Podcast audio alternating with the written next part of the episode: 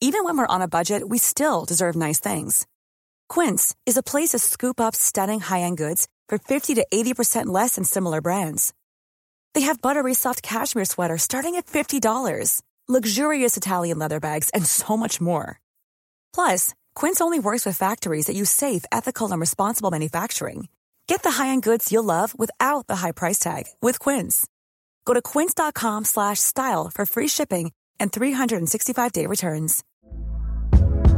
Hey there, it's Michelle Norris. I'm host of a podcast called Your Mama's Kitchen. When I travel, I'm usually looking for a way to find a taste of home when I'm not at home. And one of the things I love to do when I am at home is entertain. And Airbnb allows me to do that. When I was in California recently, I rented a house that had a great kitchen. And when we were sitting around the table, we're all thinking, we're in someone else's house. Someone could be in all of our homes as well.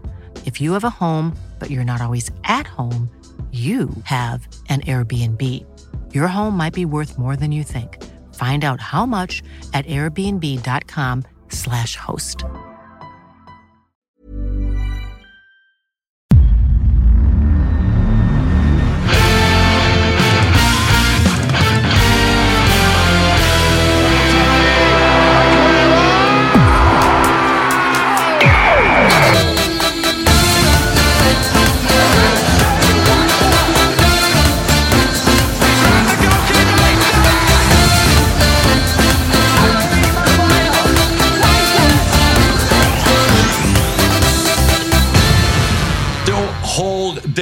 Äntligen blivit dags för premiäravsnittet av Rule Britannia. Det är eh, ännu en Premier League-podd, tänker ni kanske.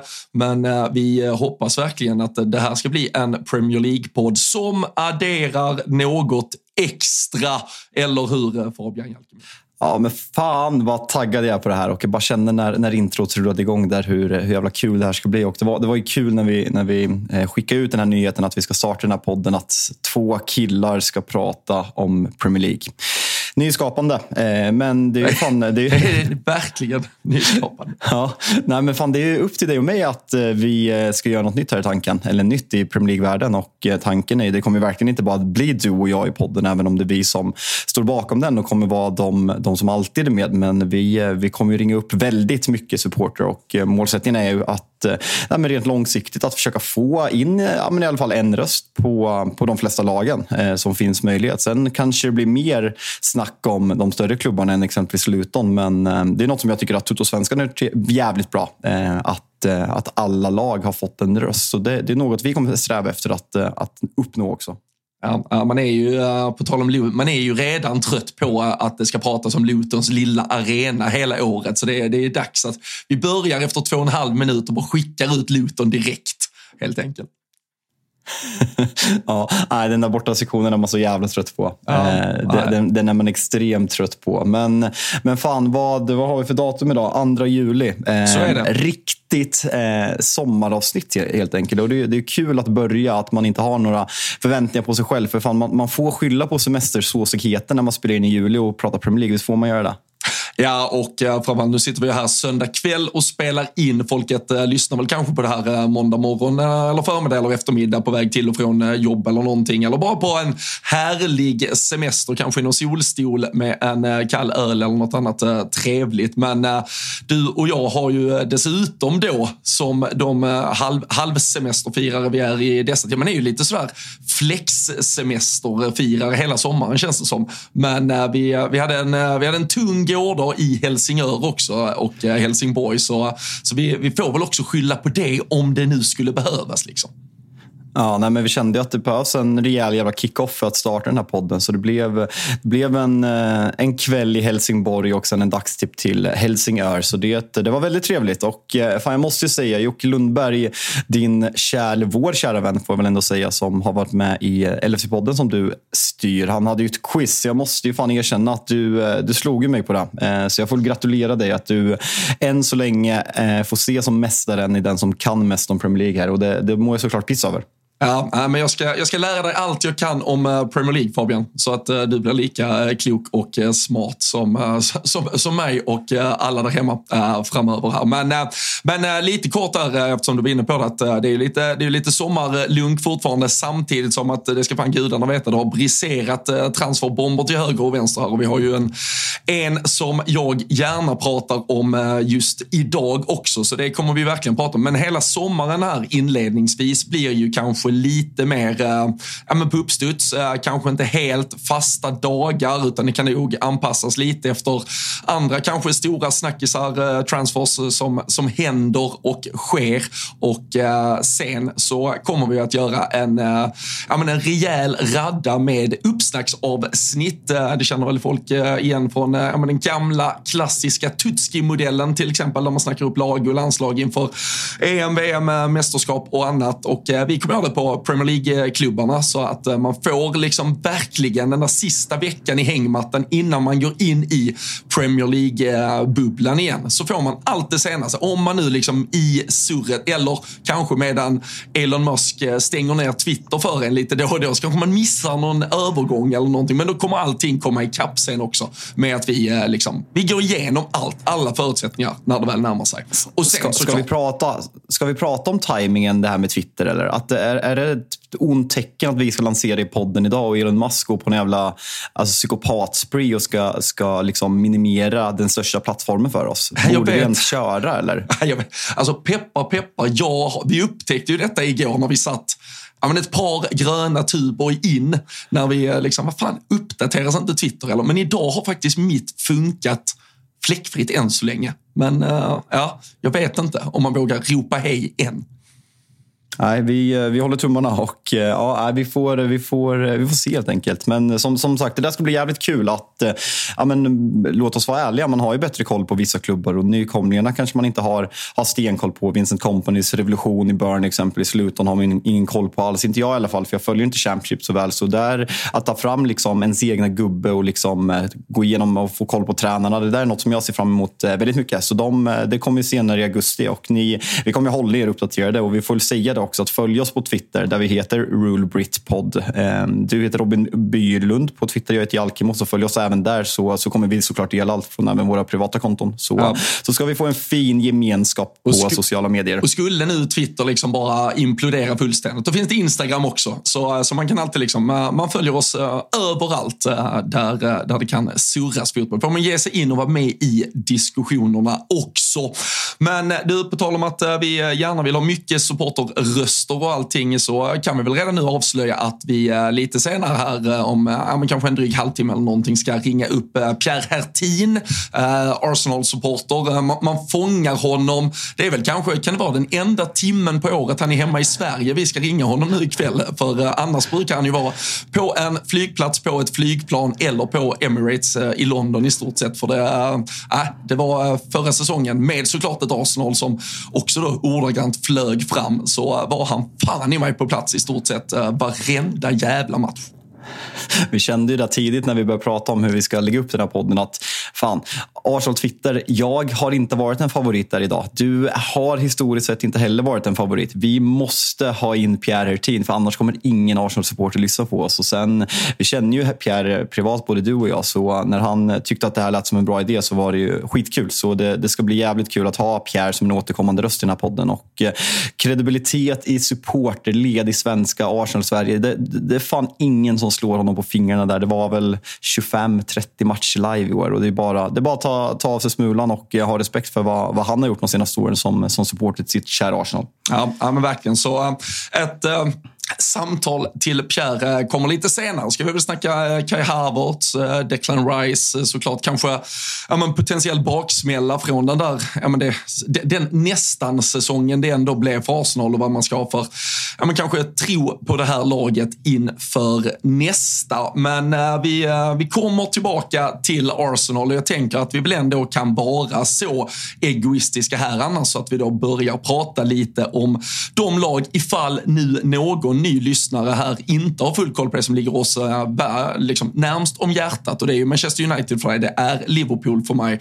Och eh, jag är ju ganska spänd på att eh, höra lite mer kring hur, hur fan läget är i Manchester United. För det kändes som att vi för typ ett halvår sedan i stort sett hade klart med nya ägare, men än så länge är ju ingenting klart och det verkar göra att det fördröjs lite på all form av transferaktivitet. Det är väl hela jävla Glazer-familjen som ska liksom skriva av på de olika besluten som ska fattas och vissa vill inte fatta beslut innan någonting händer. Och eh, vi har väl sett en Mason Mount som eh, troligtvis bara är detaljer från att bli officiellt presenterad. Och sen har vi det här med att David de Geas kontrakt drogs tillbaka om man ska tro de uppgifterna i sista sekund och så vidare. Det, fan, det är rörigt så du får eh, reda ut lite hur fan status är.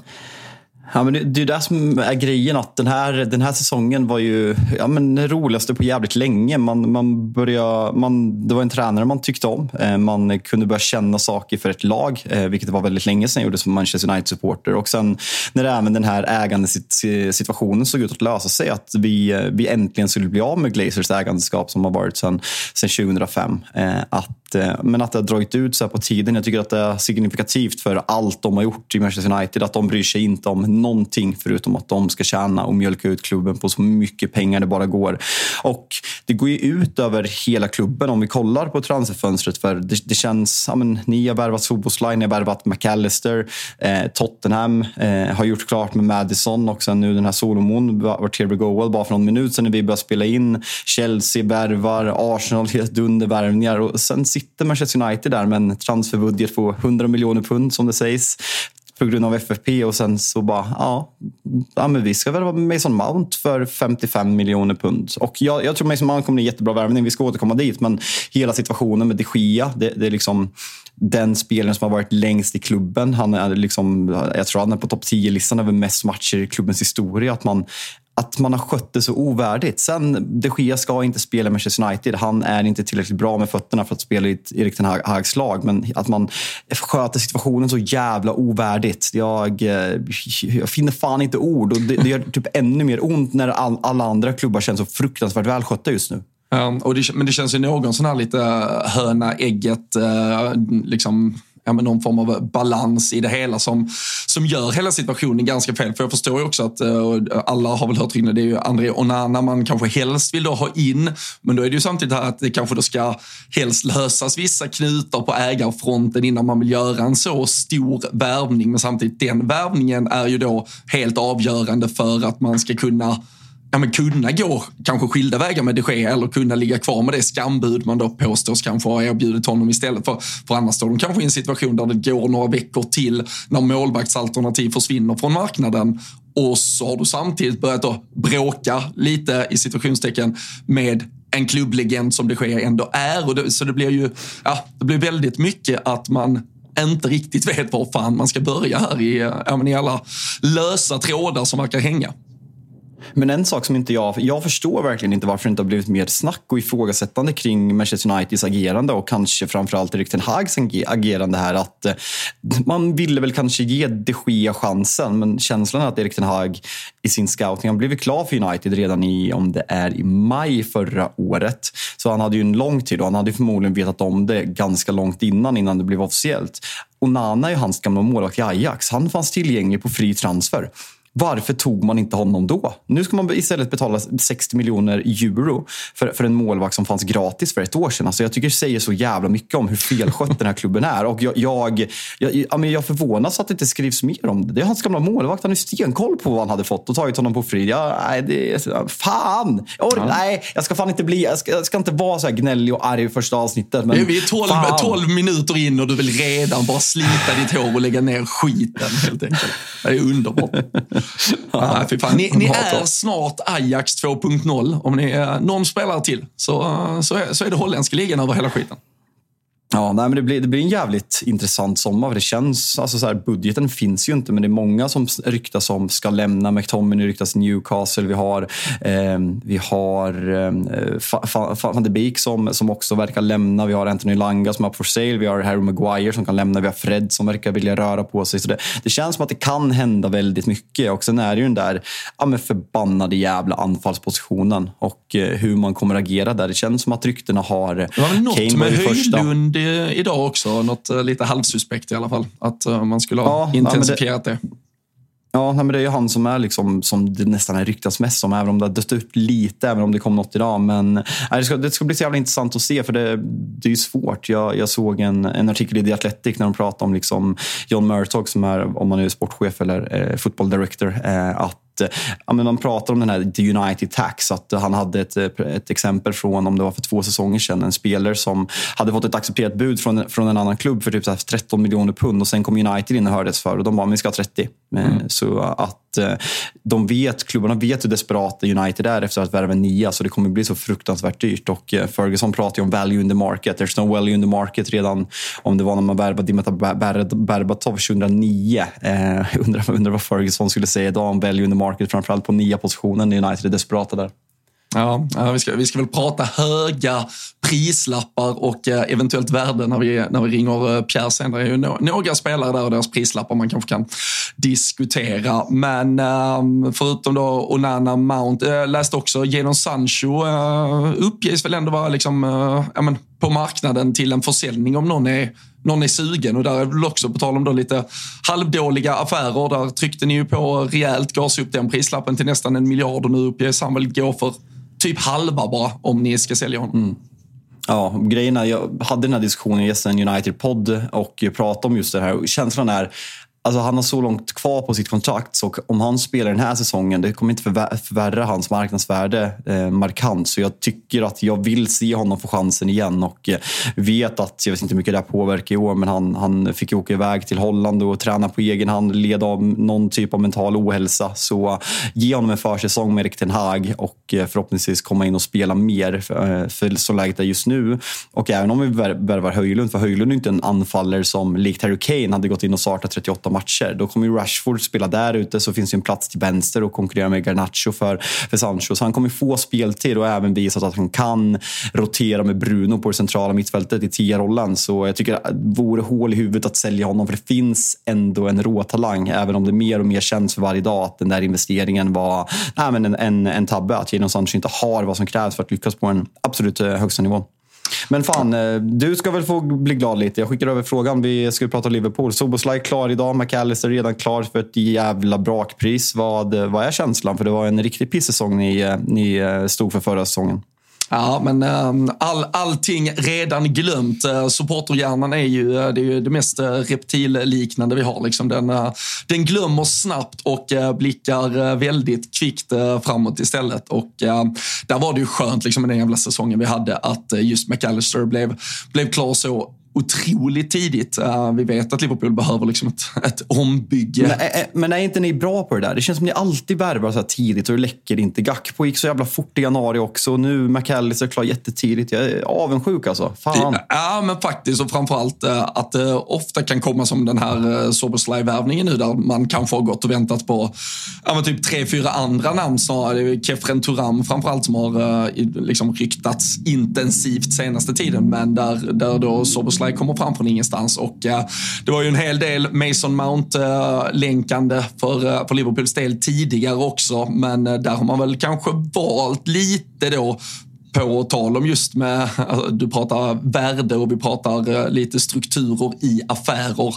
Och som du var inne på det här att United ibland får betala mer än vad kanske andra klubbar får. Det har ju Liverpool varit väldigt bra på den senaste tiden också i många affärer att man faktiskt har gått för spelare med utköpsklausuler. Då pratar man ju ofta kanske snarare bara om strukturen i hur det ska betalas. Men McAllister, där visste vi det är det här han kostar. Är vi beredda att betala det? Ja, det är vi. Soboslaj, samma sak. 60 miljoner pund är det väl som har ryktats om där och samma där att vi visste att de vill ha de här pengarna, de vill ha dem nu. Nu tror man väl, om man ska i alla fall läsa sig in i ganska insatta uppgifter, att Liverpool istället har gått på...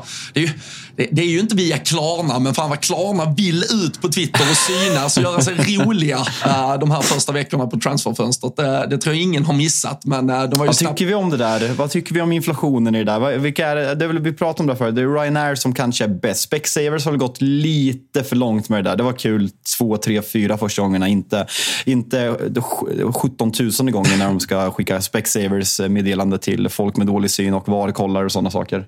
Nej, att, eh, att driva med en dummare typ för att han ser dåligt, det, det, det, det, har vi väl gjort ett tag. Så jag vet inte, det känns som att eh, Specsavers har eh, tappat det lite. Ryanair väldigt bra, men det verkar ju som att Klarna, någon där som sitter på deras content team typ har ju fått i uppgift att nu ska ni vara snabba. Varje gång en affär av, eller mellan då stora klubbar, inkluderande stora spelare, verkar dra ut på tiden.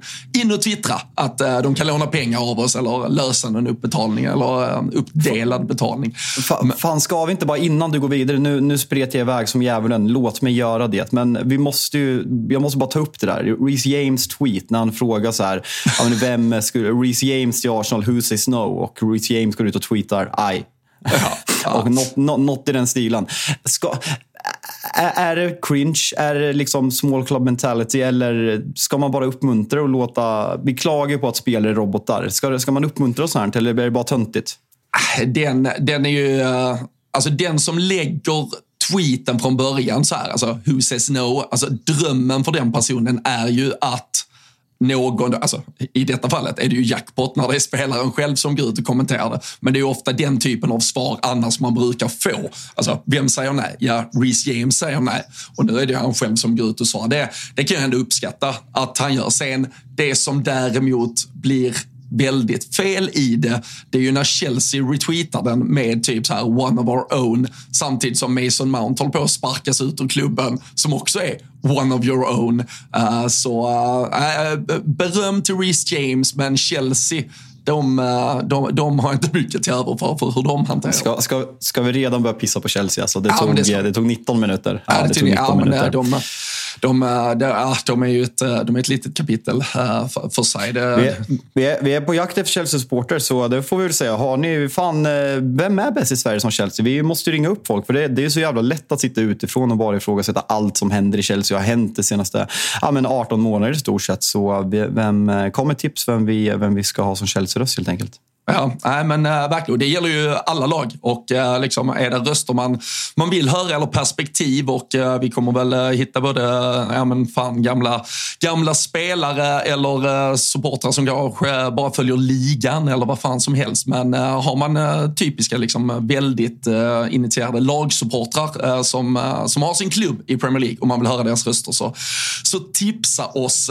genom alla våra olika sociala plattformar där vi finns på. Men vad fan var vi egentligen? Var det Shabosly vi fortfarande skulle av, avrunda ja, lite ja, kanske? Och Liverpools ja, jag, jag, ja, men jag, göra betalningsuppläggning. Ja, ja, men precis. Och, uh, nej, men så man verkar ju ha mött, man valde ju att möta då, uh, utköpsklausulen istället. Verkar ha gjort en, något upplägg med någon tredjeparts deal där. Det krävs väl att Bundesliga och Premier League accepterar den strukturen, men att, att man då löser det så, så att vi inte behöver använda alla pengar nu och det ska också kunna göra att det frigörs eller att det fortsatt är frigjort kapital för att göra ytterligare värvningar. För Soboslaj är väl kanske mer en, en lyxvärvning som jag tror eh, Klopp har uh, jättegärna velat ha, men som han då har insett här under sommaren att fan, han blir ledig, han är tillgänglig. Då är det lite för bra för att vara sant. Men i den stora ombyggnationen av inom mittfältet så är det ju kanske egentligen mer, om man säger, typiska innermittfältare. Det här är ju en spelare med edgy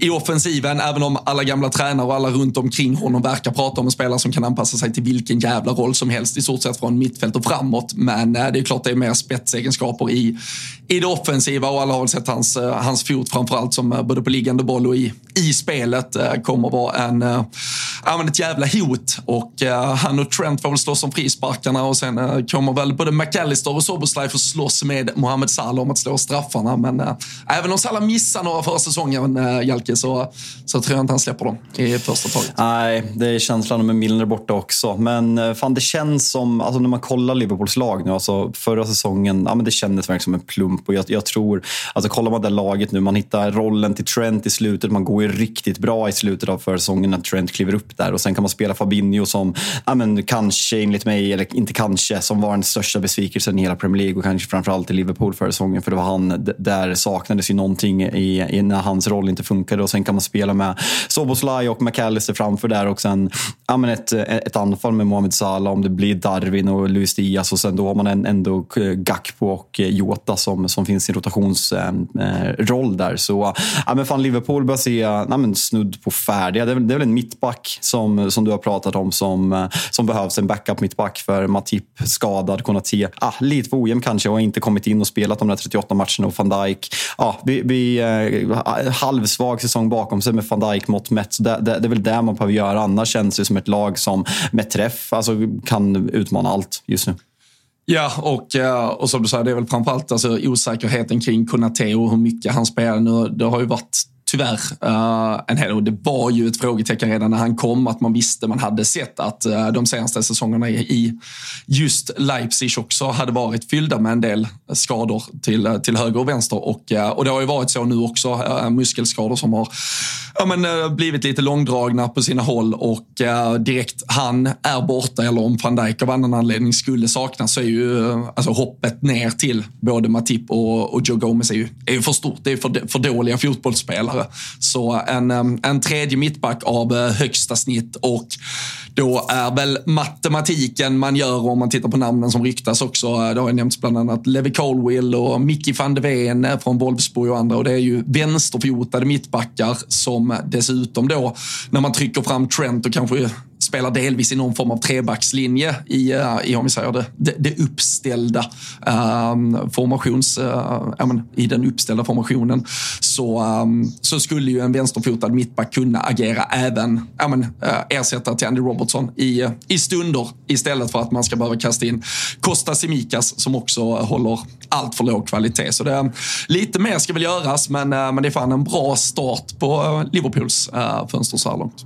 Ja, må vi såklart pissa över. Fan, jag tänker att eh, det är kul att spara lite Spurs, kanske även lite Chelsea när Pierre med får prata om sina eh, stadsrivaler som man dessutom värvar ifrån. Ska vi, Tonali är ju inte klar för Newcastle. Han eh, har väl spelat U21-EM, eh, men är here we go och det är bara, ja, men de egentligen väntar bara på en prestation. Vad, vad säger spontana känslan? För det här är ju på något sätt Newcastles största värvning. Även om Bruno Gimares har blivit ja, men helt otroligt jävla bra Trippier, engelsk landslagsman, Alexander Isak, transferrekord. Men Tonali är verkligen, nej men kanske Italien och hela Serie A liksom en av deras största talanger om man tar honom från ett, ett Milan som har spelat både Champions League och vunnit, eh, vunnit scudetton eh, förra säsongen. Så det, det är en riktigt statement-värvning av Newcastle här.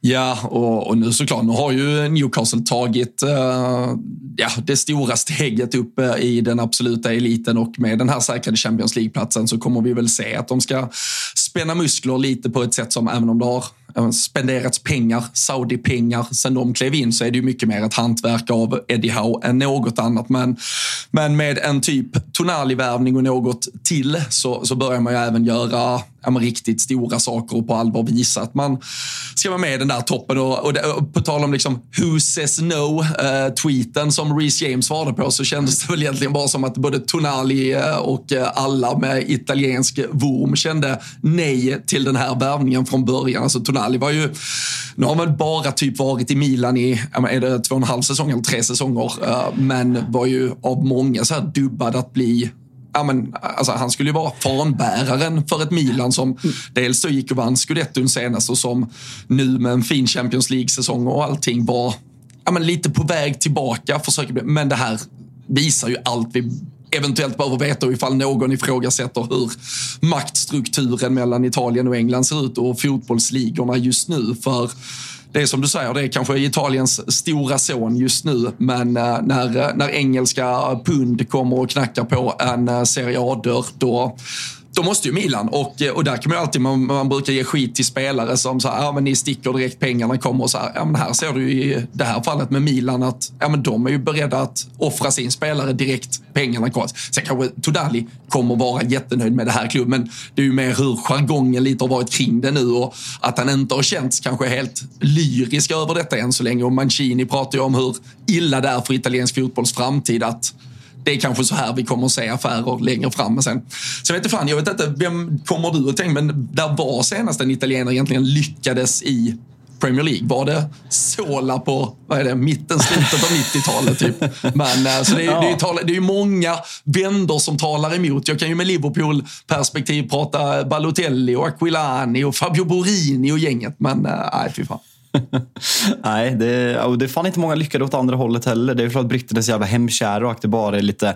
Ja, men det har blivit lite att ja, Smalling har gått till med Abraham har gått lite... Ja, men det är ju spelare som inte har varit önskvärda. Eh, som har gått till ja, men, eh, Serie A-klubbar i, i, dignitet med Roma där, där Smalling ändå har blivit uppskattad. Men, men som du säger, att just det som är speciellt med den här övergången är ju att det känslan är att Tonali verkligen inte ville i grund och botten. Han, han valde ju, han spelade, vilken jävla klubb spelar han i? Eh, Brescia var han innan va? Ja, Ja, klassisk eh, Christian Borell-citat. Eh, eh, Tonali Serie. Eh, riktigt, riktigt, riktigt klassiskt. Eh, men att, han, att han, han valde att gå till Milan. Han hade ju bud från massa andra klubbar och Milan var i en ganska pissig situation. Men han är ju Milan-supporter och valde därför att gå dit. Så det, det, är därför det här sticker ut kanske ännu mer. Och att det just är, det är inte Manchester City som knackar. Det är inte Liverpool och Manchester United med sin, med sin historia. Utan det är nyrika Newcastle som såklart också också en klubb med stolt historia, men pratar vi titlar så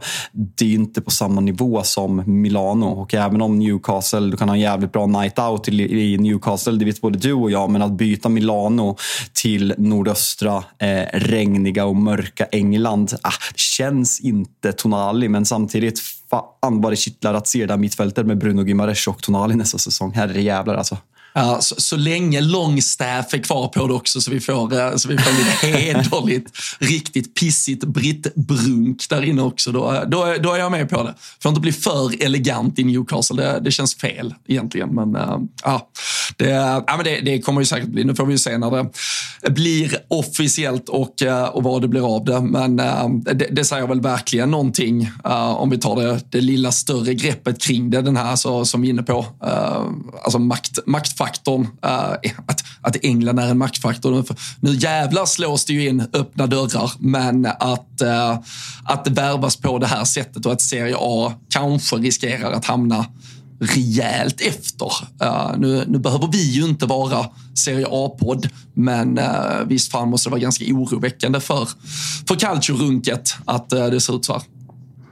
Ja, nej, men verkligen. Och eh, känslan är att det bara kommer bli värre och värre. Och sen, eh, vi, vi ska väl inte prata jättemycket om det idag. Det kommer komma andra tillfällen att göra det. Men Saudi, Saudiarabiens liga eh, intog i fotbollsvärlden med kanske starten Cristiano Ronaldo eh, för ett drygt halvår sedan. Och sen nej, men den extrema eh, körningen som sker där borta nu. Eh, det är ett VM-bud 2030. Det är man värvar spelare och man värvar Ruben Neves. Det, det är kanske den värvningen som mest sticker ut. Alltså att, man, att man tar Koulibaly och, och Ziyech, alltså liksom inte åldrande, men alltså de börjar komma upp i åren, de är inte önskvärda, de sitter på en hög lön. Att man kan plocka dem till en billig peng, men att man tar Ruben Neves i, i den åldern han är i och för de, de summorna.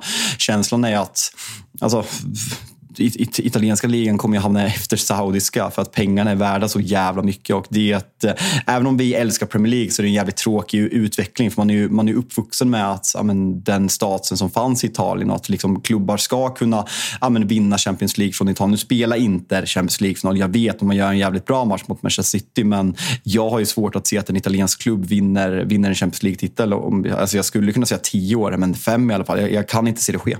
Nej, Nej det, det, det lär vara, vi lär se hur den där eh, maktstrukturen eh, blir, eh, blir allt tydligare där ute. Jag tänkte bara innan vi, innan vi ringer till Pierre, det är några andra värvningar bara för att ta en liten titt hos våra rivaler där ute. Matteo Kovacic till City, ehm, på tal om spelare som Chelsea har släppt. Och det, det är fan en hel jävla startelva vi hade kunnat rabbla upp. Men, men känns, inte, känns det inte som att Kovacic kan bli hur, alltså, han är bra och han, han är ju inte purung, men under Pep Guardiola, när vi, vi har sett hur bra Kovacic är när han är bra, uh, känns det inte lite sådär att uh, det här kan bli svinbra för honom i City också? Alltså för han var skadefri. För han, han har ju vissa så här, men tio matcher. Bara så här, alltså han är världens bästa centrala mittfältare. Nu, nu är jag raljant, men alltså åt det hållet. Han är så jävla bra. Kan han bara få den kontinuiteten, ha lite bättre flyt med skador och sen så kommer han in i ja, världens mest välfungerande lag så tror jag också, som du säger, att det här kan bli helt otroligt bra. Nu, nu ville man ju verkligen behålla Gündogan som, som lämnar för Barcelona, men alltså vilken jävla ersättare. Sen om man ska ge, och jag, jag hoppas folk fattar, alltså vi sitter ju ut utreds för 115 regelöverträdelser. Man har fuskat för att ta sig dit man gör. Men vi måste ändå kunna berömma vissa saker. Och jag tycker ändå att City ska ha cred för det här. Ja, men man budar för Declan Rice. Man tycker att han blir för dyr. Man går iväg. Man gjorde samma sak med Harry Maguire. Eh, kanske det bästa man gjort eh, genom alla tider. Ehm, eh, men just den här grejen att man lovade, det var samma med Kushureya förra året. Man, man är intresserad av spelare men man har inga problem att gå därifrån när priset blir högst. Även om man har bäst finansiella resurser av alla. Och det tycker jag ändå att man ska ha cred för. Och det, det, på något sätt, det är någon, sak, någon sån sak som United aldrig har gjort. Och därför, ja, men Chelsea nekar bud på Mount, nekar bud på Mount. För att de vet att United kommer betala. Till slut så kompromissar man. Och det gillar jag att United gick ifrån där likt. Och sen så kom man överens att budet, budet vart ungefär med lite andra upp, upplägg än vad det sista budet var. Men eh, det där tycker jag att City ska ha cred för. Och eh, det är en perfekt jävla ersättare till Gündogan. Han är väl ja, men tre år yngre, samma position, samma roll. En färdig världsspelare så, som kommer för en billig peng. Så ja, men superagerat av City precis som vanligt och det är så jävla vidrigt. Ja, ja, exakt så är det man känner.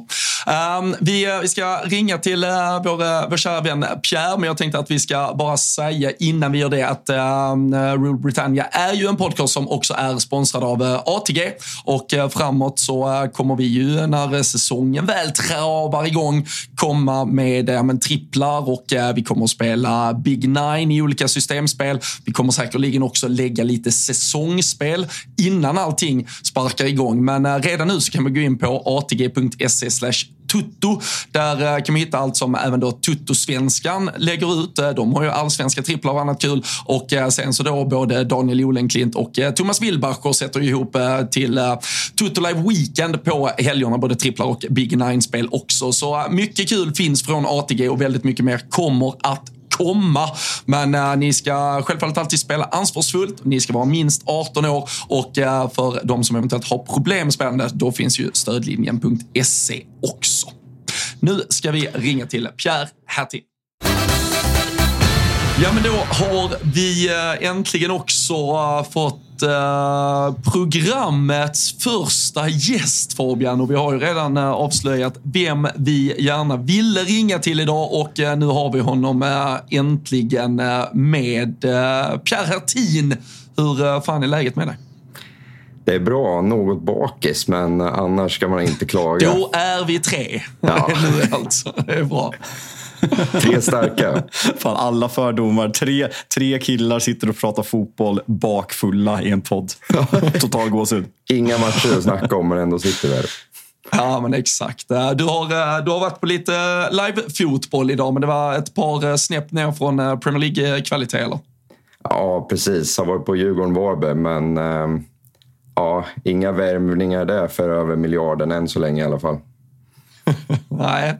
Nej, det är eh, andra lag som eh, står för eh, sådana värvningar och vi kommer ju alltid såklart när vi ringer upp Pierre att prata väldigt mycket Arsenal. Men vi har ju ett par andra lag kvar också Fabian att snacka lite om vad de har gjort den, den första delen här på, på sommaren. Men Pierre, jag tänker innan vi liksom går in på det som eventuellt händer denna sommaren, vad som kommer att ske inför kommande säsong. Hur, om vi pratar att man är lite lite bakfull, eventuellt idag på grund av en uh, liten fylla igår. Hur, uh, hur bakfull är man uh, känslomässigt efter den uh, säsong som Arsenal hade?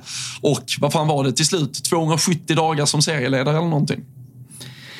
Ja, det är en bra fråga. Jag måste säga att den bakfyllan har gått i vågor eh, känslomässigt. Hur man ser tillbaka på säsongen och hur gärna man ens vill snacka om den. Liksom. Eh, nu är det ändå vad är det, en månad lite till sen säsongen tog slut. Och jag måste säga att än så länge är det fortfarande rätt skönt att slippa, eh, slippa se Arsenal spela igen på ett tag. Bara, inte för att vi gjorde en dålig säsong och det är det som många var inne på. Vi har gjort en otroligt bra säsong men sättet som det slutade på det, det är otroligt bittert. Och, och jag skulle ju ljuga om jag sitter här och säger att jag aldrig trodde att vi skulle vinna. Eh, det var absolut tider där jag hade räknat in det, eh, även om man visste att det skulle bli tufft. Men med de marginaler vi hade stunder säsongen och sättet vi spelar på så äh, jag, jag kommer inte sticka under stolen med att jag är oerhört besviken. Och i England använder man ju ordet bottle äh, the League och att vi har kastat bort det. Liksom. Och, äh, absolut kan man se det så. Äh, men när vi står där igen i augusti så hoppas jag att i det stora hela att vi blev stärkta av att många kanske har lärt sig ett och annat eh, och att vi ska kunna gå för det igen. Men, men det där tycker jag att man verkligen ser. Alltså om vi bara tar, vi kommer komma in på transfersen att Declan Rice kommer bli klar, Kai Havertz är klar. Alltså att Martinelli har skrivit på nytt kontrakt, Saka nytt kontrakt, Saliba nytt kontrakt. Alltså det här som Arteta har gjort, alltså det, det är 18 månader sen ungefär eh, som folk stod med högafflar och skulle ha bort honom från klubben. Han har ju fått det attraktivt att spela för Arsenal och eh, pratade om det massa andra gånger. Om ja, du som har varit på plats och fruktansvärt mycket tron som har getts i liksom ögonen supportermässigt. Det är det bästa jag har sett på Arsenal sen, sen man flyttade till Emirates. Jag har själv varit på Emirates både en, och två och tre gånger och sett Arsenal spela och jag håller nej, men stämningen som en av de sämsta jag har varit på i England. Men nu, alltså det, det skiner genom tvn verkligen hur fantastiskt bra det är och jag tycker att det piggar upp och det ska du ha cred för att du vågar säga att nej, men man hoppades och att man är besviken. För jag tycker att tonläget från vissa blev så här, ah, men vi viker inte ner oss, City är för bra. Eh, och ja, City är för bra, men man måste ju fortfarande kunna se en betydande skillnad i hur mycket poäng Arsenal tog de första två tredjedelarna av serien och, hur, och hur, hur snittet gick ner i slutet. Och man måste kunna ifrågasätta vad som skedde. Så jag tycker att det, det är bra att du, att du vågar liksom, ja, men, säga att man är besviken, att man hoppades. För det är hoppet som är det, är det finaste med fotboll, men det är fan också det värsta ja. när man, när man hamnar och där. För där ska man ju vara ganska tydlig. Det är ju de sista typ tio matcherna när man tittar det snittet så är det ju inte så att ni egentligen bara förlorar en kamp mot Manchester City. Där är ni ju dessutom, ni är väl knappt topp 10 i ligan när man tittar på uh, poäng, poängsnitt i slutet. Så, så det är ju klart det, det är dåligt. Men, uh, men allt som allt när man summerar det så är det ju en fantastisk... Och det som ändå måste stärka dig, tänker jag, för jag minns tillbaka lite på Liverpools eh, säsong, det är ju tio, ja, det är fan tio år sedan, men 13-14 säsongen när Suarez är på väg att typ ta Liverpool ensam. Då kom Liverpool lite från, ja, från ingenstans. Man höll på att vinna en ligatitel som man absolut inte hade kunnat se sig men, för allt i världen att vi skulle slåss om. Men där var det ju mycket mer once in a lifetime någonstans för att sen så försvann Suarez, sen började skeppet läcka vatten och allt gick åt helvete. Nu med den här starten på sommarfönstret Havertz redan klar, Rice kanske klar typ när folk lyssnar på detta. Ni, ni, tog, ni fick ju, ni fick ju Balotelli, ah, du? Alltså, den, den, den, den sommar, men det måste ju göra att du som supporter, alltså när, när det där lilla smolket är undan, undan röjt så måste man ändå känna att fan, det här var ändå kanske starten på någonting istället för att det bara var ja, once in a lifetime.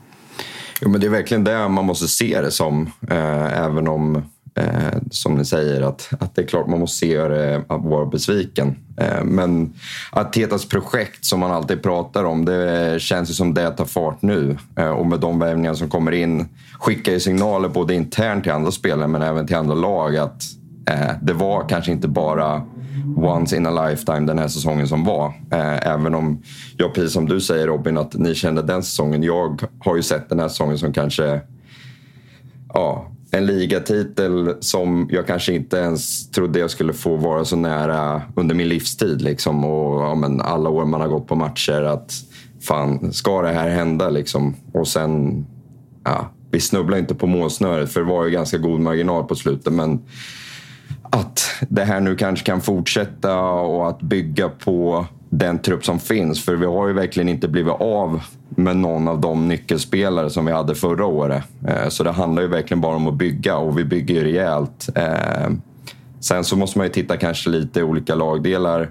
vad var det vi fall på förra året och är det just de luckorna vi fyller nu. Eh, jag är inte helt hundra på att det är klart men samtidigt så är inte transferfönstret stängt. Ändå ryktas väl om att när de tre spelare som ja, Havertz, sen Timbers och Rice, de alla är inte bekräftade men när det är klart ska det ju tydligen komma två till. Men det känns som Uff. det är rätt viktigt vart man Pengar fyller finns. upp. Ja. ja.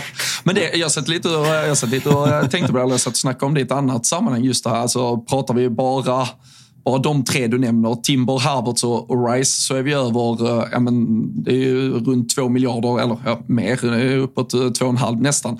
Och det finns ju egentligen inget typ ni kan sälja. Så jag satt och tänkte lite, ja men en Eddie Nketiah, Reece Nelson, spelare som kanske skulle vilja ha mer spel, men det är ju också en homeground-kvot. Det är spelare som kanske är beredda att spela lite ja, men andra fiol, äh, eh, även en säsong till och sådär. Men det, för annars, det är, ju typ Partey. Ni kanske ryktas lite sälja, men annars är det ju väldigt lite pengar in, men väldigt mycket pengar som ska ut. Eh, är det här den stora satsningen man har lite legat och väntat på eh, och eh, pengar man nu känner att Arteta har förtroendet och därför så får han den stora bössan? Mm. Nej, men det är som du säger, alltså, många av de spelare som då eh, blir kvar och ska konkurrera om platserna eh, blir sam eh, samtidigt väldigt långt ifrån en startplats mot vad de varit tidigare. Eh, Smith Rowe, en som jag tänker på ganska snabbt. Eh, Fabio Vieira kom in nu och ska konkurrera. Eh, det går ganska snabbt från att dessa spelare ses som unga talanger till att nu är den tiden nu ska starta. Och helt plötsligt står vi med ganska många sådana som borde vara startspelare eh, och kanske eh, borde ha försvunnit eh, tidigare i sådana fall då om man skulle få in eh, bra försäljningar i form av pengar. Eh, sen så känns det som att det har varit återkommande faktor för Arsenal att, att göra dåliga affärer utåt. Eh, men Ja, nu lever vi typ i en bubbla. Liksom att vi har haft lite av en eh, kort storhetstid och värvar in spelare som tror på det här projektet och vi har pengar att, att spendera. Eh, men ska det gå runt så måste ju försäljningar göras och ska truppen må bra så kan du inte ha för många av de här som borde starta men helt plötsligt står eh, fjärde plats i en kö till en startplats. Liksom. Men du, du är inne på det där med eh, Artetet förtroende som har byggts upp och det är ju bara att kolla. Så jag kommer ju själv ihåg hur hånfull man var på det här fönstret när man, när man värvade Ödegård, man värvade Ramsdale, man värvade Ben White och man bara så här, vad fan jag, jag, jag för mig någon, här? Någon, alltså, någon twittrade det... någonting om att det var jävligt usla en och en halv miljard man hade spenderat, här. Det, ja, det, var, det var du. Det var du. Det var du. Det, var inte, det var, skulle, jag, aldrig, skulle jag aldrig göra. Nej, men alltså, man har ju byggt upp ett förtroende och jag på förhand, alltså det här som ja, men, Xhaka, jag misstänker att man som Arsenal-supporter har en jävligt problematisk relation med honom som på något sätt har blivit fin till slut och att det på något sätt känns vemodigt att han kommer lämna. Men han gör ju kanske sin bästa säsong i Arsenal den här säsongen. Sen dalar väl han likt hela lagets form lite på slutet, men överlag så gör han ju en jävligt bra säsong.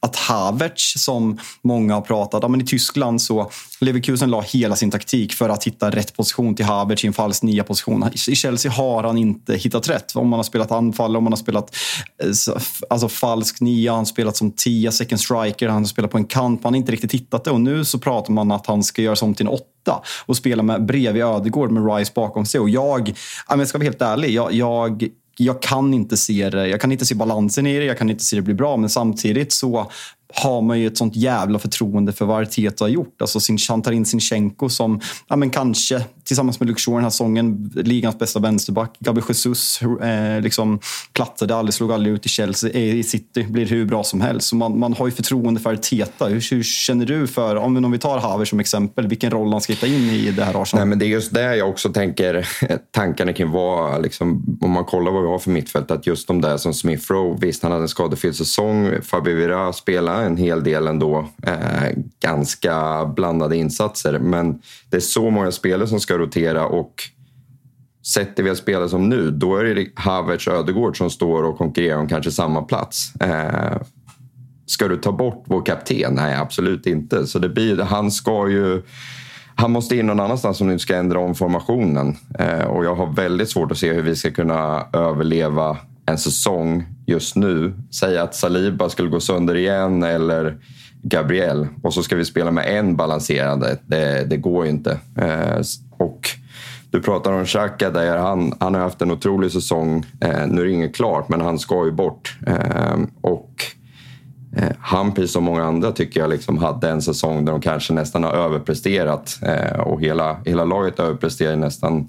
Eh, och framförallt mot de förväntningar som man hade.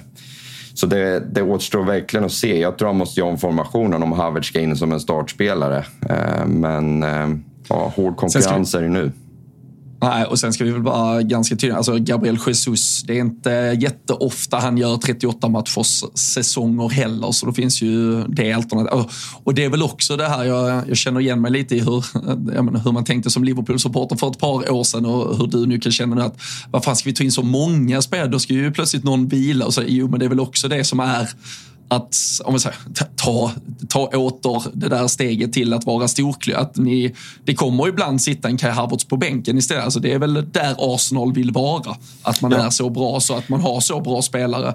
Ja, och, och kan också förändra framförallt det som har saknats den här säsongen. Alltså, när vi eh, åkte ur Europa League sa alla, alla ah, men jättebra, nu kommer det helt perfekt för vad som behövdes i ligan. Eh, och jag sa, ah, men om vi vinner ligan så absolut, då kan man ju se det på det sättet. Men man kan inte säga det, det just då när vi har en fjärdedel av säsongen kvar att spela eh, och i slutändan vinner vi ingenting. Eh, nu ska vi spela i en tuffare Champions League eh, och ja, ska vi bara vara med som deltagare där och kasta bort det så snabbt som möjligt bara för att vi ska vinna ligan? Nej, det, det är inte det det handlar om. Det är, ju, det är just därför vi ska fylla ut eh, och kolla på Manchester City. Sitter supporter och klagar där på att, att det är hård konkurrens. Nej, eh, så det är ju... Eh, det, det är väl lite där det handlar om att vara en toppklubb, men då måste ju det är också en stor tyngd på, på Arteta att få truppen att funka tillsammans då och kunna se sina roller. Ja, och där kan man väl, om man, om man då vill vara lite taskig mot någonting som Arsenal gjorde förra säsongen så var det ju att när den där, ja, men, om man säger hans föredragna startelva var intakt och fungerade så gick ju allt väldigt bra. Men när det roterade, alltså nu vet jag att det var mot, det var mot City i, bland annat i någon av kupperna men, eh, men annars uttåg tidigt i både FA-cup och ligacupen. Det blev väl bara var det åttondelsfinal mot Sporting i eh, Europa League eller om det var kvartsfinal. Men det, så det, direkt det skulle snurras lite så gick det ju inte jätte... Och när det sen blev några skador så gick det ju inte heller jättebra. Så det var ju väldigt mycket byggt på ett och samma lag, en startelva som var otrolig. Och sen kan man väl ändå vara lite taskig och säga att det inte funkade lika bra när man tvingades göra förändringar. Nej, och sen är det ju...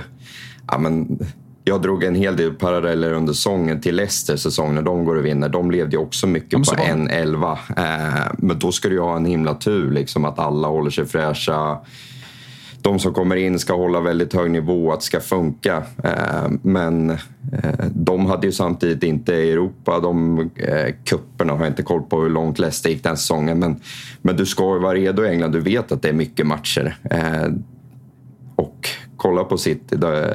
Det, är ju ett annat koncept och de har andra pengar men eh, vill man vara där så handlar det om ni, ni, är snart där, ni är snart där pengamässigt. Ja, det alltså. verkar som det är så som vi kastar just nu. Liksom. Det, City ja. får ge sig ur jakten på RISE. Vi har för tunga finansiella muskler. Det är en ny, ny nivå. Ska vi ta, ska vi ta Rice när, du, när vi snuddar där med eh, mil, ja. miljardvärvningen? Eh, uppemot 1,2 beroende på hur man ser på den svenska kronans pissiga kurs. Eh, men vad fan, Rice, alltså kollar man, hade en diskussion med bland annat Kristoffer Svanemar gällande det här som såklart hävdade att Declan Rice är otroligt överskattad. Att han bara kostar så mycket för att han är britt. Hur bra är han? Det blir ju alltså, det blir väl den dyraste centrala mittfältaren i fotbollshistorien? Ja, det, det, det är och det är dyrast i våran eh, eh, klubbens historia. Eh, by far. Eh, men eh, jag vet inte, det, det, finns ju så många delar i det här och självklart är ju prislappen för att han är britt. Eh, och, och det är ju så det är. Sen eh, får man ju tycka och tänka vad man vill. Eh, är han överskattad? Är han värd de pengarna? Det, det, jag vet inte, ska man dra paralleller till Maguire som också värvades för Ja, det är ju inte så stor skillnad liksom, när du är uppe på de pengarna. Lägg till, vad blir det, 25 miljoner pund. Så är det ju. Ja. Det tog ett, ett, inte ens avsnitt ett kunde fortgå utan att Maguire skulle bli Men, men om, vi, om vi bortser, om vi bortser för att prata, så här, att prata värde och allt, man kan, vi kan bara med, med, med mitt eget, nej, med mitt eget twittrande från förra året, i, eller för två år sedan, i, i, eh, i färskt minne då, så är det ju först, står Declan Rice och vi har vunnit Premier League med Arsenal, så var, då kunde de ju betala tre miljarder, så var det ett eh, skitbra pris. Liksom. Men om du bara tittar spelartypen, den form av mittfältare han är, är det det som är eh, liksom det typ viktigaste för Arsenal att få in den här sommaren med tanke på att uppenbarligen från ledningen verkar vara så prioriterat. Alltså det, då har han ju definitivt räknat med att Xhaka är borta, även om han inte är det ännu. Eh, sen så beror det också på vad som händer med Party. Eh, men de två har ju varit nyckelspelare tycker jag den här säsongen och har burit mycket av, av framgången. Så jag tror att han bygger mycket kring, kring den spelidén och ser den positionen som kanske är den viktigaste. Eh, så jag tror det har något med det att göra.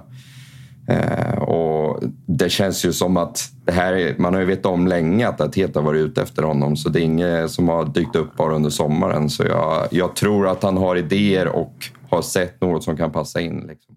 Men jag tycker att man ser, alltså man ser alltså i fotbollen och Premier League som praktexempel hur viktig den här jävla positionen är. Jag tycker att det syns en tydlig skillnad. Jag första, eh, på hösten tycker jag Thomas Partey är Arsenals bästa spelare. Han missar ju matchen mot United när ni förlorar Paul Trafford. Eh, och Eh, det är när hans form i slutet stagnerar och han blir bänkad till och med vissa matcher som Arsenal tappar väldigt mycket. Sen, jag vet inte, vi ska inte, han är inte dömd för någonting, jag ska inte prata där. Man, men man är, jag tycker att det känns lite konstigt att man, ja, men man spelar honom varje match förra säsongen. Eh, han är en av Arsenals bästa spelare, han är i en ganska bra ålder. Att man nu bara ska släppa honom. Det känns som att man på något sätt vill bli av med de problemen som eventuellt kan uppstå. Men skitsamma. Men, men gällande den här saken som jag vill komma, jag tycker man ser Rodri, jag tycker att han är förutom Erling Haaland, Premier Leagues bästa spelare i år. Eh, jag tycker att man ser Uniteds kvalitetsskillnad när Casemiro kom in i den rollen. United har inte haft en bra spelare där som Michael Carricks peak år runt 2010. Liverpool, vi pratade om det innan vi ringde dig idag, Fabinho som gör en väldigt dålig säsong. Det var när han kom som man fick balansen på det där mittfältet. Och Spurs saknar den positionen. Chelsea har saknat den positionen sen Kanté blev skade, eh, skadebenägen. Och eh, det är värt att betala de pengarna i dagens samhälle och det går som Robin är inne på. Så här, ska man prata värde på marknaden. Det finns inget värde på marknaden. Det är så här, vinner Arsenal Premier League med, med Declan Rice de närmsta fem åren, då, då är det värt det. Alltså, så ser fotbollen ut och man får spy på det och man får värna om 51% regeln i svensk fotboll och det är jättefint. Men det, pengarna är helt spårade och det här är ju den positionen som är så jävla viktig i dagens fotboll. Och att den, de är ganska lika de här spelarna, så stora men fortfarande jävligt dynamiska, bra med bollen. Och det, jag, jag håller Declan Rice jättehögt och jag ser verkligen fram emot att se honom ja, men, få chansen att visa upp sig på Champions League. Han ska slåss om ligatitlar och man får se hur bra han är, vilket han bara visat i Englands landslag. Där ja, men, låt oss vara ärliga, Gary Southgate spelar en ganska destruktiv, omodern fotboll. Det ska bli kul att se honom i ett modernt Arsenal med Arteta som tränare om man kan bli ännu bättre. Ja, men det är också ja, men, jämföra med landslaget där, där han kanske inte får sticka ut. Men att gå från ett West Ham där han Visst, han har sin defensiva roll, men han kliver väldigt mycket offensivt och är även en tekniskt bidragande spelare. Jag tror det är det som Arteta sett. att man verkligen kan använda honom. För kolla på Xhaka och Party, de är också de spelartyper som kliver fram. Eh, och jag tror det, det måste mm. finnas den balansen. Men eh, som sagt, eh, formationen måste göras om lite ifall han ska få in Havertz i startelvan också. Ja, det blir spännande att se. Jag vet inte, något avslutande. Jurien Timber tycker jag ju annars är en, ja, löser ni honom så är det en jävla succévärvning också. Uh, och det, det, kan man kanske prata ännu mer om vi vill prata värde men också framtid och vad han kan växla ut till uh, framåt. Uh, där känns det ju som att med tanke på mittbackstäckningen ni lite saknade förra säsongen, får ni in honom också så, så lägger ni ju ännu en pusselbit på plats. Ja, det är intressant för jag jag kan erkänna, jag tittar aldrig på holländska ligan. Det är ju sex år sedan vi spelade Champions League så jag har, kan ju säga sett han minimalt. Eh, jag var faktiskt och såg Ajax eh, på plats i februari bara spela en match. Jag gick in häromdagen och kollade om han, han spelade den matchen och då spelade han mittback. Eh, så det verkar som att han, han kan användas på många positioner så det ska bli intressant att se. Men ja, hur det är intressant på Twitter när man läser att folk är helt plötsligt experter på holländska ligan och vet vad hans mamma heter och vad han äter till lunch. Liksom. Twitterscouter, värsta som finns. Det, det ska bli intressant att se, men jag kan ärligt säga att jag har noll koll på honom som spelare.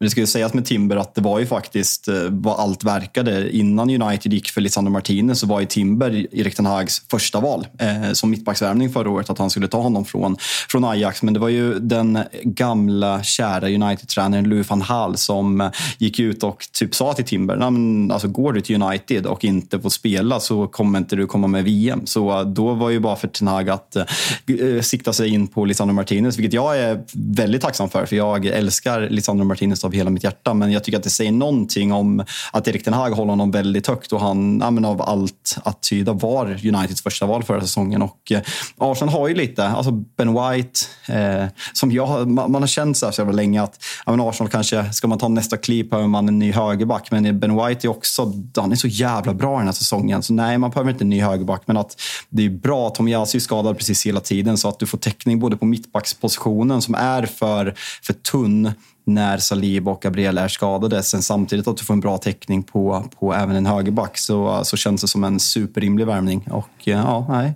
Fan, man börjar känna att ni gör mer och mer rätt och det är såklart ja, det är skitnyttigt. Hemskt.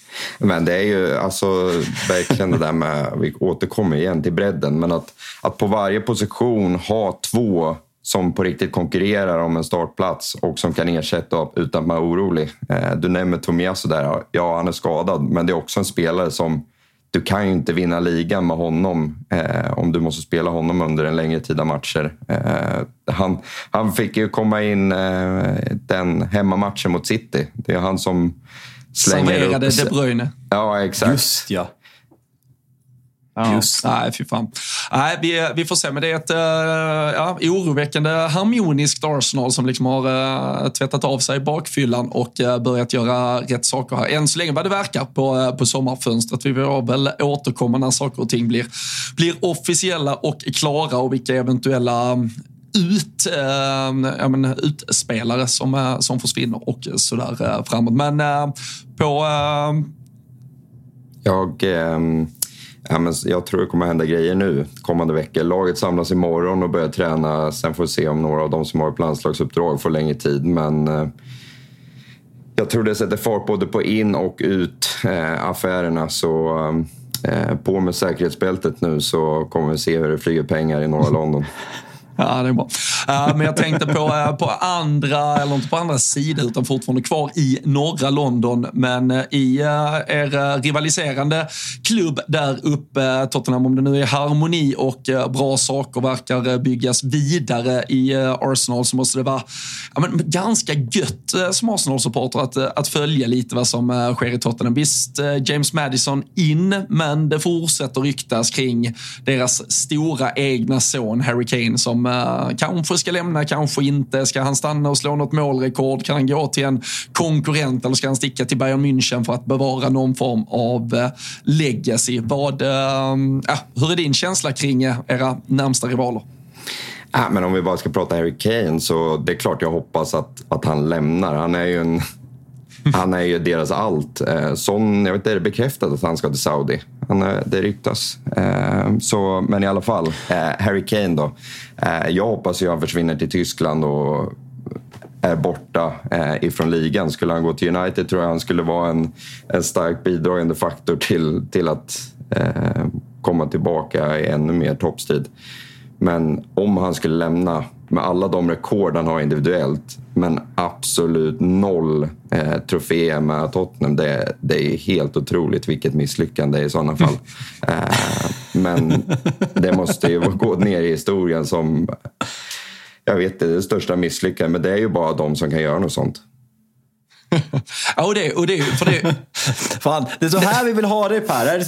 Så ja, och det, och det, men, det, men det är ju extremt, för, för när man sitter och tänker, man, man tänker typ så här, eller man säger ju lite slentrianmässigt, men det är ju fan sjukt att han inte har vunnit någonting. Men så tänker man så här, han kanske ändå har vunnit någon jävla ligacup eller något, men det är ju verkligen ingenting. Alltså, Totti var kvar i Roma hela sitt liv. Han vann ju ändå till slut en scudetto. Han vann några jävla kupper hit och dit.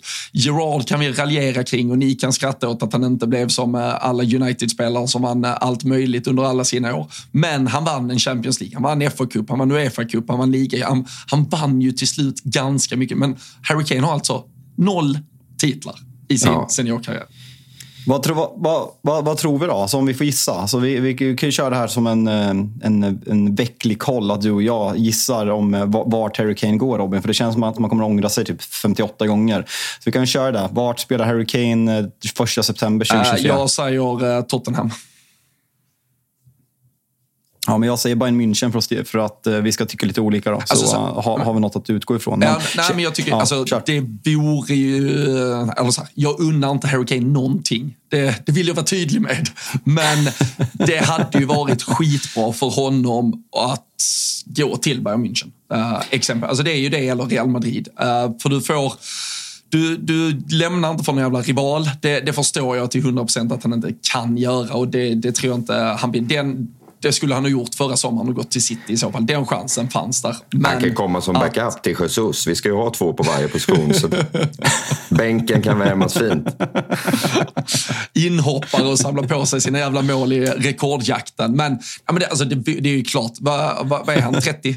Uh, han har ett sista fett kontrakt i sig. 93 va? Och uh, ja. nej, det, det, är klart han borde dra och utmana om en Champions League-titel till och med. Uh, och framförallt säkra att han får vinna ett par ligatitlar dit han går.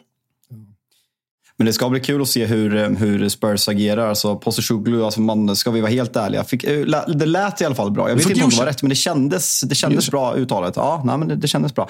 Det ska bli kul att följa honom. Eh, man vet ju ingenting där. Alltså, han har haft Rangers och innan det från australiensiska ligan. Celtic ska vi vara tydliga med, annars får vi skotska, uh, skotska ja, okay, supportrarna efter oss. Svagt, svagt. Som Brennan Rogers är tillbaka i. Blir väldigt spännande att följa. Nej, men, eh, Spurs, alltså Spurs har ju också på något sätt kommit i skymundan den här säsongen. För att Chelsea har varit så fruktansvärt jävla dåliga och misskötta. Men Spurs säsong är ju katastrofal. Alltså de flesta hade dem som alltså snitttips trea, kanske fyra några. Och man kommer väl mm. åtta hittat till slut, Va? missar Europa, hamnar bakom lag som Aston Villa och Brighton.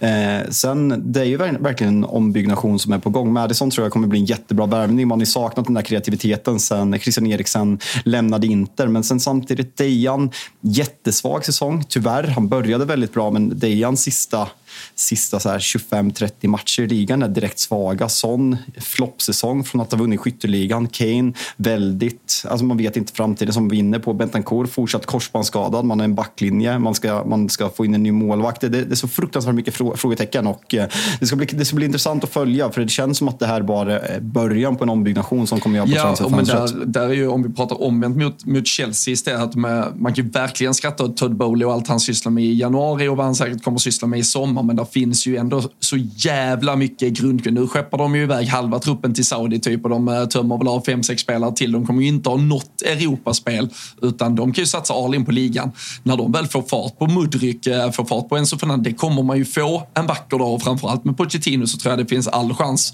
för Chelsea att ja, men komma lite outflying direkt här. Men Tottenham som du säger, när du tittar på den truppen, det är ju en depp knepig jävla trupp de förför, eh, förfogar över. Och vem är, alltså de betalar inte heller de här lönerna. Chelsea kan ju köpa typ vem som helst fast att de kom tolva för de är beredda att spränga bank till höger och vänster. Är Levi det? Nej, absolut inte. Han ska dessutom då lösa Kane-situationen. Han har en sån, som du är inne på, på en, någon form av i alla fall nedvarvning och kanske eh, på, eh, på någon sista vers. Så Tottenham tror jag däremot har de kan nog fan ha det riktigt jobbigt framför sig. För där det krävs större saker än James Madison för att få någon jävla ordning där. Ja, men det är lite liksom... Först känns som deras mål framåt och om man pratar projekt eh, har varit mer tydligt. Eh, nu tar in en tränare som är väldigt osäkert kort.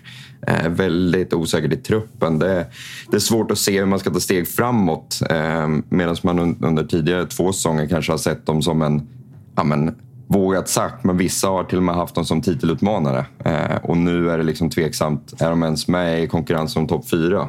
Så äh, det blir intressant, att följa. Men... Nej, de är inte, de är inte topp sex nästa säsong. Just Nej. nu.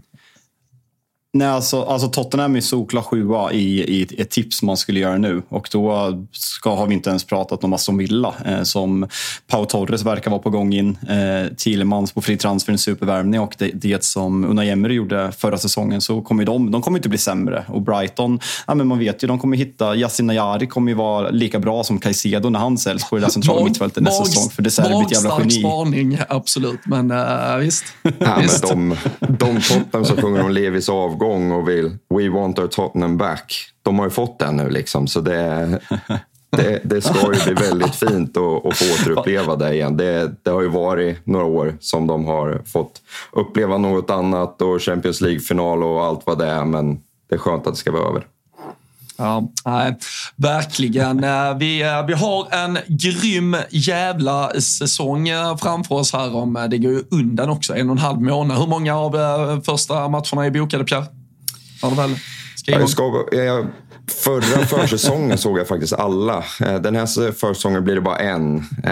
Men sen, sen så har jag faktiskt i princip alla matcher i september bokade. Det blir ingen i augusti som det ser ut som. Eventuellt premiär. Men annars så september kommer jag börja gasa. Så, eh, Då är redo. Ja, men vi har några trevliga bortamatcher där då. Everton bland annat. Det blir sista på Goodison och jag har faktiskt aldrig gjort den. Så jag har som mål och jag har fyra arenor kvar i Premier League så när den här säsongen slutar har jag tänkt att jag ska ha gjort alla med Arsenal. Så. Alltså, äh, Åkerud, vi har redan pratat om det, men Åkerud på Luton, inte en jävla bild från den där pissiga bortaläktaren. Men det, du får nog blocka mig då, men jag har tänkt, för vi har Luton borta en onsdag och sen har vi Villa borta lördagen efter, så det är ganska trevliga dagar att åka över. Så. Aj, aj, aj, aj, aj. Fan, Villa, Villa borta är fan etta för mig i ja. bortamatcher jag har sett i England. Ja, alltså, den, en otrolig bortamatch. Det var tungt att missa den. Jag sålde min biljett då. Eh, Jorginho, eh, sista minuten via Martinez huvud. Den var ju den var rätt ja, tung att missa. Ja. För det är många som pratar om att det var en av höjdpunkterna på året. Eh, men ja, Dubbeln mot Tottenham gjorde vi förra säsongen och den eh, borde vi gå för i år igen. Så den är också i september. Så jag hoppas på en trevlig månad då. Ja, men det, det, det lär du få. Vi lär få alla anledning att uh, ringa tillbaka till dig uh, både innan säsongen är igång och sen uh, så kommer det vara frekventa uppdateringar från, från vad som händer i, i London säkerligen. Men med det så stänger vi väl ner det som har varit det första avsnittet av Rule Britannia. Se till att följa oss på Twitter och Instagram överallt där vi finns och sprid ordet att den här jävla podden är ute nu och att vi har den här trevliga stunden ganska ofta tillsammans. Det kommer vara lite flexibelt med dagar och datum. Vi kommer nu under sommaren. Vi styr väl det lite utifrån vad som händer där ute Fabian. Och eh, sen så kommer vi in i någon mer av mm. eh, strukturerad lunk när eh, saker och ting är up and running. Ja, men det är väl det vi kan lova. Alltså, vi kommer köra två gånger i veckan när säsongen drar igång. Och som, som säger, alltså, det blir lite spontant men absolut minst ett fram till säsongen drar igång. Och Sen så kommer vi börja pusha de här lagspecialerna när det, när det, när det närmar sig. Och eh, fan, det är nästan bara en månad kvar till Community Shield så eh, det börjar dra igång. Och eh, fan, visst känns det större värvningar och tidigare värvningar än någonsin. Alltså, det, det känns, vi har suttit i dryga 55 minuter och det känns som att man skulle kunna prata om hur. Vi har inte ens gått igenom Chelsea. Vi kommer få anledning att återkomma till de andra andra lagen också såklart, så håll till godo. Men nej, det känns jävligt kul att vara igång och eh, fan, börja tagga redan lite på säsongen. Alltså. Det, nu har vi haft eh, tre, fyra veckors semester. Bakfyllan har till och med släppt nu, nu, också. Nu, satan, nu är vi igång. Ja, alltså jag mår, ah. jag mår skitbra. Nu är jag mår Ja, men exakt, exakt. Nej, så eh, stort tack till alla som är med och eh, lyssnar. Eh, sprid att Rule Britannia är där ute. Det är supportrarnas syn på vad som händer i Premier League kring med våra egna favoritlag och vi tittar in hos rivaler till höger och vänster också. Så sprid ordet. Tusen tack för att ni är med oss så hörs vi snart.